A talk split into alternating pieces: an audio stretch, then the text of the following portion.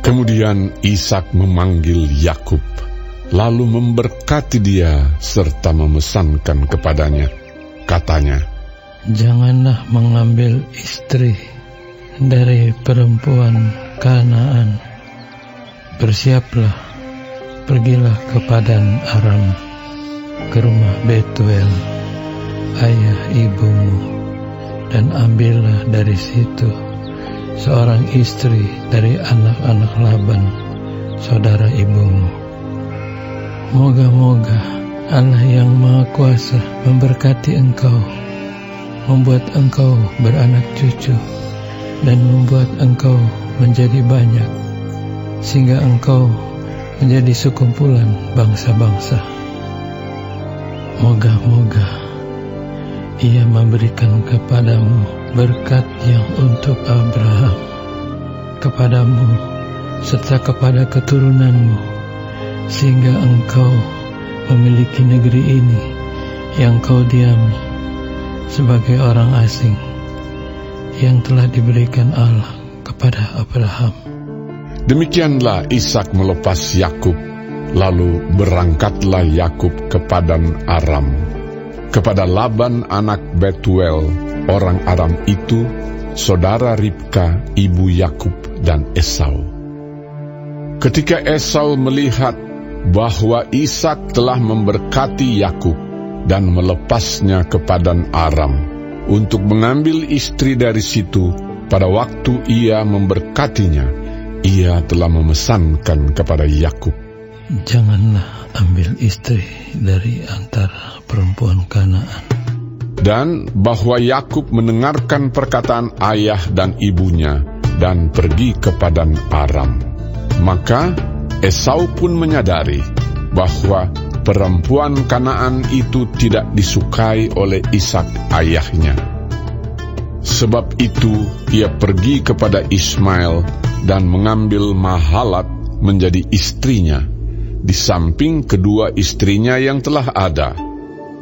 Mahalat adalah anak Ismail, anak Abraham, adik Nebayot. Maka Yakub berangkat dari Bersheba dan pergi ke Haran. Ia sampai di suatu tempat dan bermalam di situ karena matahari telah terbenam.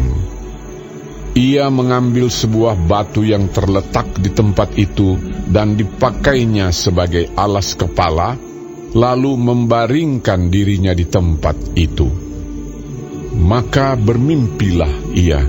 Di bumi ada didirikan sebuah tangga yang ujungnya sampai di langit, dan tampaklah malaikat-malaikat Allah turun naik di tangga itu. Berdirilah Tuhan di sampingnya dan berfirman, Akulah Tuhan, Allah Abraham, nenekmu, dan Allah Ishak. Tanah tempat engkau berbaring ini akan kuberikan kepadamu dan kepada keturunanmu. Keturunanmu akan menjadi seperti debu tanah akan mengembang ke sebelah timur, barat, utara, dan selatan.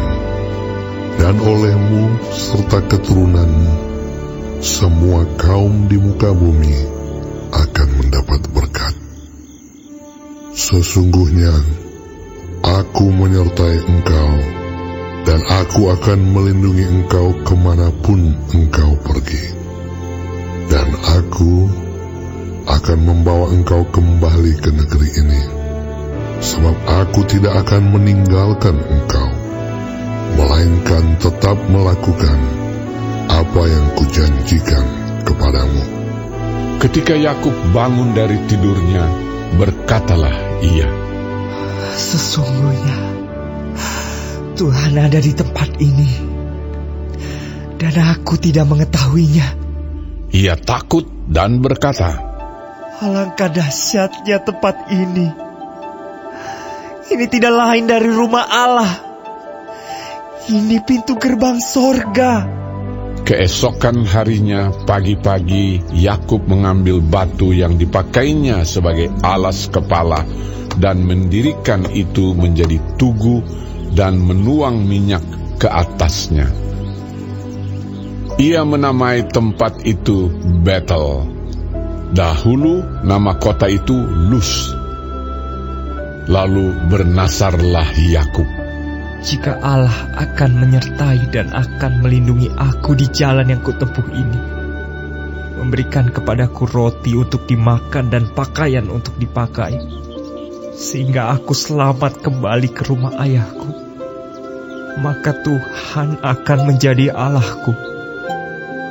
Dan batu yang kudirikan sebagai tugu ini akan menjadi rumah Allah dari segala sesuatu yang engkau berikan kepadaku.